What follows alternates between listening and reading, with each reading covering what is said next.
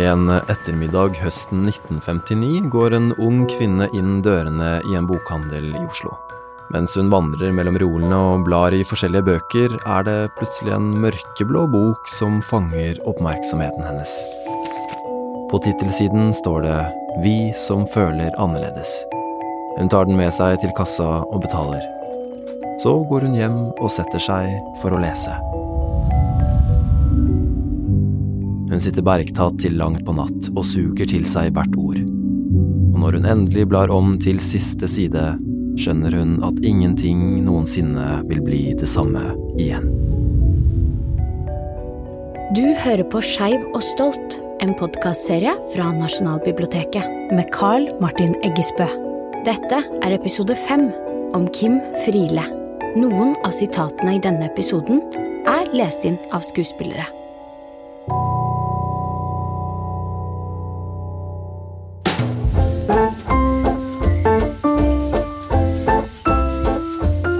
Karen Kristine Wilhelmsen, etter hvert kjent som Kim Friele, ble født en vårdag i 1935. Den lille jenta vokste opp i et kjærlig hjem på fineste Fana, med foreldre som fikk henne til å tro på seg selv. Lille Kim var en tøff og vilter unge, og ikke sjelden ble hun sendt på gangen fordi hun ikke klarte å sitte stille på skolen.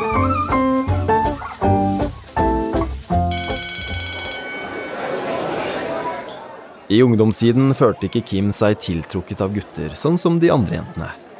Hun ville heller kysse og klemme på venninnene sine. En gang da hun lurte på hvorfor hun ikke var så opptatt av gutta, slo hun opp ordet homoseksuell i leksikon i smug. Og det hun leste, beroliget henne. For lesbiske kvinner likte snus og hadde nedfallen livmor og forvrengte kjønnsorganer. Så det var i hvert fall ikke homoseksualitet hun sleit med. Hun følte seg jo helt normal. Som alle andre normale unge kvinner på 1950-tallet var målet først og fremst å bli godt gift. Så da en god kompis av Kim, som het Ole Friele, fridde til henne, sa hun ja.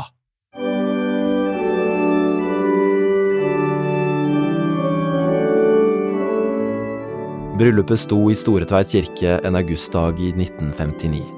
Nå var Karen Kristine Wilhelmsen blitt Kim Friele. Men senere, på bryllupsnatten, da de var alene på soverommet, så forsto hun at det var noe som ikke stemte. Alt sammen føltes bare skikkelig dumt.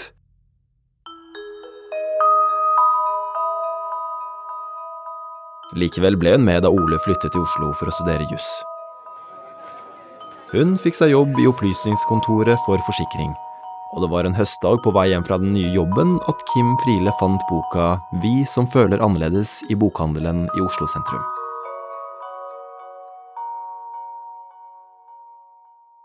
Og det var da hun ble sittende med boka til langt på natt at brikkene falt ordentlig på plass.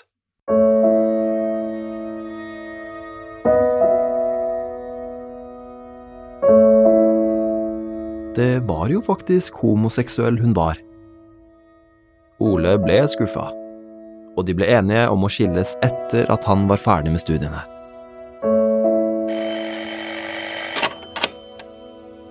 Kim måtte ringe foreldrene sine for å fortelle nyheten. De tok det ikke så bra, og moren foreslo at hun kanskje kunne få behandling for det. For å være snill mot min snille mor, så ble jeg med henne til psykiater. Det var jo sånn da at man kunne kureres osv. osv. Og jeg kom inn på kontoret til kassa, han satt med ryggen til. Og så sier han ja, hvorfor kommer de til meg da, Friele? Så sa jeg er det noe å spørre om da? Sa jeg det vet de da. De vet jo at jeg er kommet hit fordi min mor har sendt meg hit fordi jeg er homoseksuell. Så rykket mannen til og snudde seg og sa sier de det høyt? Gå ut og lev livet deres, Friele, og så send deres mor inn til meg. Litt senere kom moren lett omtumlet ut fra psykiaterens kontor. Enden på visa ble at mor og datter gikk på kafé og drakk varm sjokolade med krem for å feire at Kim var homoseksuell.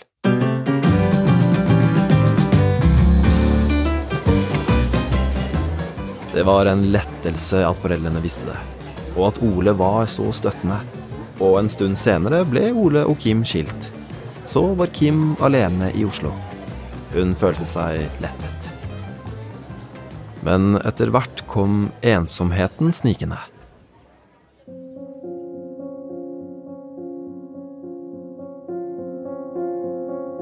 Hun kjente ingen andre homoseksuelle. I boka som hadde snudd livet hennes på hodet, hadde hun lest om Forbundet av 1948, som var en hemmelig organisasjon for homofile.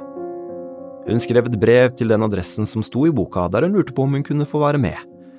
Men da hun fikk svaret, ble hun skuffet. Det gikk ikke an å bare melde seg inn uten videre. Man måtte få to medlemmer til å garantere at man var diskré, før man fikk lov til å komme på et møte. Men hvordan i alle dager skulle hun finne noen som allerede var medlem? Det var ikke akkurat eh, bare å gå rundt og spørre folk om de var homofile på begynnelsen av 1960-tallet. For å finne likesinnede begynte hun å sette seg på en benk ved Nationaltheatret hver lørdag og observere folk.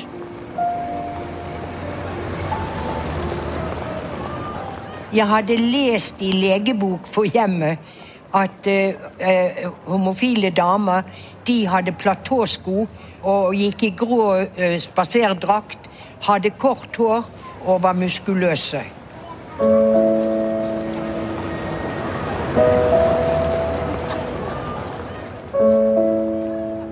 Men så plutselig en dag så kommer der bort en søt fyr med store ører og, og lite hår. Mogens Larsen het han, han var danske.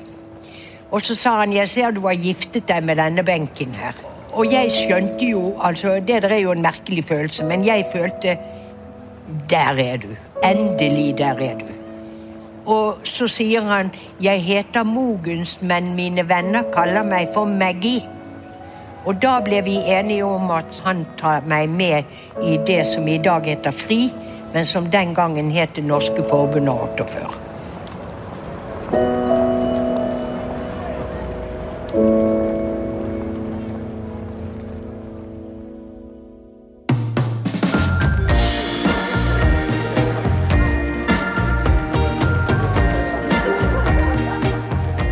Spent troppet Kim opp sammen med sin nye venn Mogens utenfor Ormsund roklubb i Oslo. De ble sluppet inn, og der inne var det både bar og dansesal. Men stemningen var det verre med.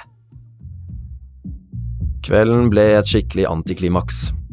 De fleste var fulle, og bortsett fra ett eneste damebord, så var det nesten bare menn der, og de var deprimerte, nesten alle sammen.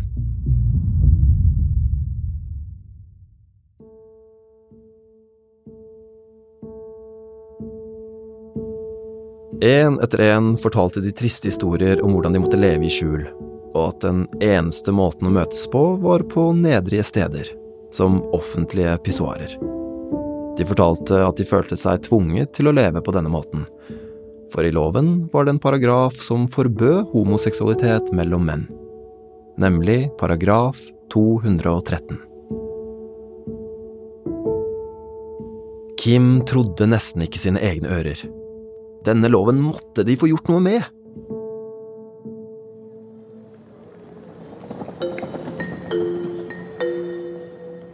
Jeg gikk på mine to små ben og rett og slett oppsøkte folk jeg hadde kjent gjennom jobben min, og gikk fra helsedirektøren til, eh, ja, til Torvald Stoltenberg og gud vet hva. Jeg bare møtte opp, jeg.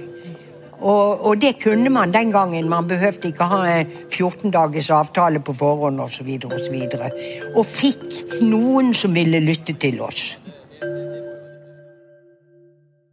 Det var bare Kim som turte å være åpen aktivist på denne måten, for veldig mange av de andre medlemmene var redde for represalier hvis de var åpne.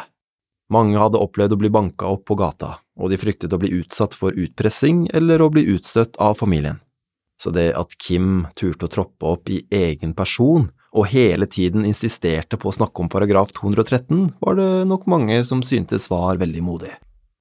Litt for modig, syntes NRK, for da hun ble invitert til å snakke om homofili i NRK radio, i det første programmet om temaet noensinne, så var hun klar til å gjøre det under fullt navn. Men NRK mente det var tryggest for henne å være anonym. Og sånn ble det programlederen min var inne på, hvorledes vi opplever homofili. Jeg vil si da hvorledes opplever mine medfølende og jeg selv kjærlighet. Fordi at jeg vil så gjerne bort fra dette med å konsentrere det om bare dette seksuelle aktiviteten som de heterofile har så vanskelig for å forstå, og så heller snakke litt mer om kjærlighet.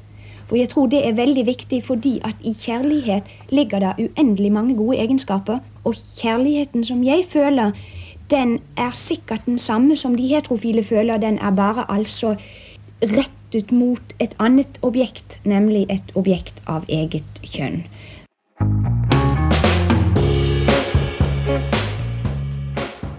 I 1966 ble Kim valgt som ny leder av forbundet av 1948. Hun var 31 år gammel og hadde bare levd ut legningen sin i fem år. Nå skulle hun stå fremst på barrikadene for alle Norges homofile. Karen Kristine Friele, eh, deres oppgave der, hva kommer den nå til å gå ut på? Jeg vil si at eh, den kommer til å bestå i en dobbeltoppgave. Den vil komme til å bestå i det å forsøke så objektivt, saklig, følelsesløst som mulig å bibringe allmennheten opplysning om hva er homoseksualitet. Og den andre delen av oppgaven det vil bestå i å forsøke å bearbeide, aktivisere og få den enkelte homofile til å forstå sin egen situasjon bedre.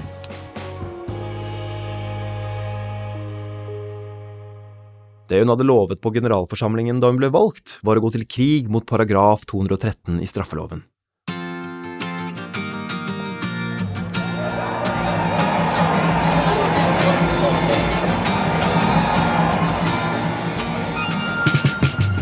Mens Kim tok på seg ledertrøya, foregikk det en seksuell revolusjon i hele den vestlige verden.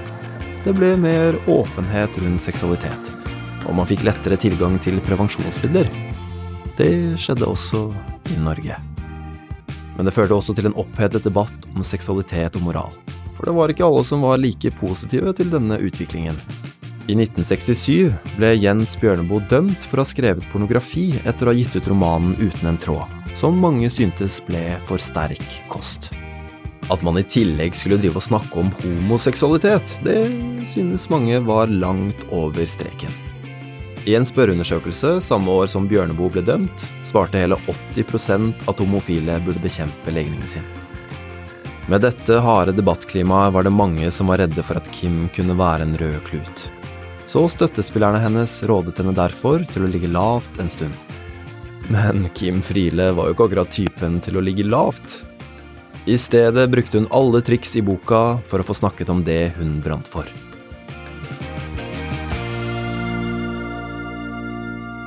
Kim fikk flere politikere med på laget. En av dem het Arne Kielland og var valgt inn i justiskomiteen på Stortinget for Arbeiderpartiet. Og de to ble fort et skikkelig radarpar. Og etter hvert ble Kim invitert til å snakke med flere i justiskomiteen. Jeg møtte klokken ni på Stortinget, det var en februarkveld. Jeg hadde pels på meg og øredobber, og den gangen gikk man jo ikke i olabukser, man gikk i skjørt. Og jeg syns jeg så riktig pen ut. Og jeg satte meg ned og ventet, og, og jeg så at Endresen kom ned den der trappen. Og så gikk han rundt og kjekk i alle krokene og smilte og nikket til meg. Og, og gikk der, og jeg tenkte jeg reiser meg ikke, altså. Så gikk han bort til vakten, og så pekte vakten på meg. Og så kom han bort til meg og så sa han, 'Er det slik de ser ut?'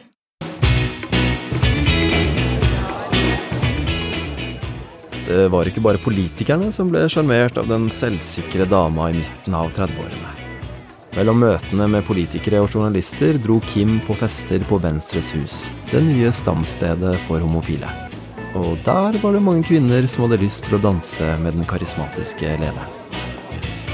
Etter mange år med arbeid for å avskaffe homoparagrafen, så det endelig ut til å løsne.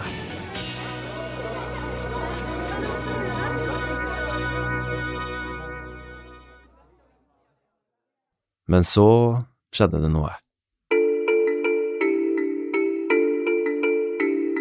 I stedet for å fullt ut akseptere forslaget som Kim Friele og Arne Kielland hadde jobbet for, om full avkriminalisering, så foreslo justisministeren å innføre en egen aldersgrense for homofile.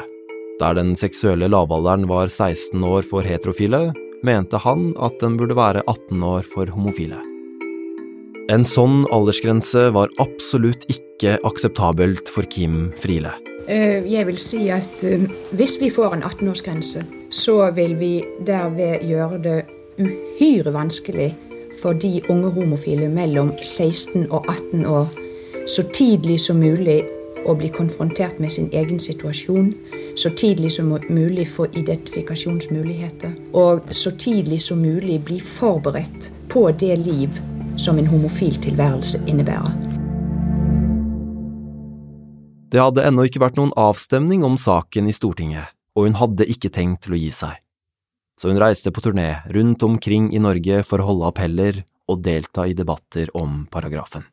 Da hun ble invitert til å komme tilbake til justiskomiteen for å prøve å overbevise medlemmene om at en 18-årsgrense ville være diskriminerende, fikk hun igjen råd om å gå varsomt fram. Men det var jo ikke Kim Frieles stil. Hun åpnet i stedet med å fortelle om en ung, lesbisk kvinne som nettopp hadde tatt sitt eget liv. Jenta hadde ikke klart å leve med at familien ikke aksepterte henne. Etter den dramatiske åpningen gikk hun til frontalangrep på forslaget om 18-årsgrense, og ordene hennes gjorde inntrykk. Statsråd Oddvar Berrefjord, et endringsforslag av paragrafen dit hen at Justisdepartementet ønsket å få inn en aldersgrense på 18 år, var i vår klar til å bli behandlet i statsråd. Imidlertid så trakk jo de proposisjonen tilbake igjen. Hvorfor det? Altså Det som gjorde at vi tok det opp til vurdering, var at vi ville se nærmere på om det i det hele tatt var nødvendig å ha noen særregel på dette området. Og jeg kan godt si at jeg personlig stiller meg sterkt tvilende til nødvendigheten av det, og er for så vidt innstilt på å ta opp til alvorlig drøftelse og kanskje få fremmet en proposisjon som helt sløyfer det. Men det er for tidlig å si noe om det, for det har ikke vært drøftet i regjeringen. Det rakk vi ikke. Den 14. april 1972 skulle Lagtinget stemme for opphevingen av paragraf 213. Klokken var ti da de samlet seg i salen.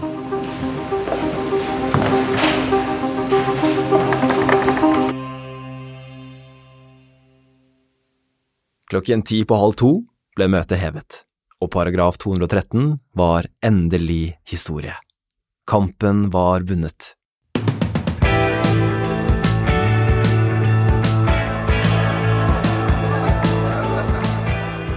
Og etter mange år med kamp kunne Kim og de andre medlemmene endelig pynte lokalene med norske flagg og sprette champagne. Kim Friele var utkledd som rettferdighetsgudinnen fru Justitia, med bind for øynene og en vektskål i hånden. Og da tiden var inne, tok gudinnen med seg Norges lover opp på scenen, klippet ut siden med paragraf 213 og rev den i fillebiter. Etter avkriminaliseringen var det som om folk strømmet ut av skapene sine, syntes Kim. De ble flere og flere til å kjempe de kampene som sto igjen. Og kampene ble vunnet, én etter én. Homofili ble fjernet som psykiatrisk diagnose.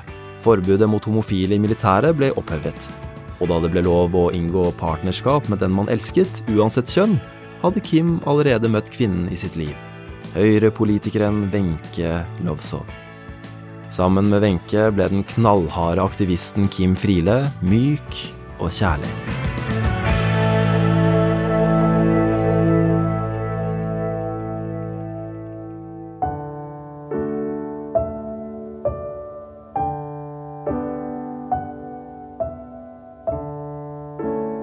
Kim Friele gikk bort i desember 2021. Da hadde hun kjempet nesten hele sitt voksne liv. Den kanskje viktigste kampen ble vunnet i 1972. For 50 år siden i år. Og vi skal prise oss lykkelig for at vi har en sånn ålreit nasjon og sånne flotte folk som hører til her. Men vi må ikke sovne. Vi må ikke sovne.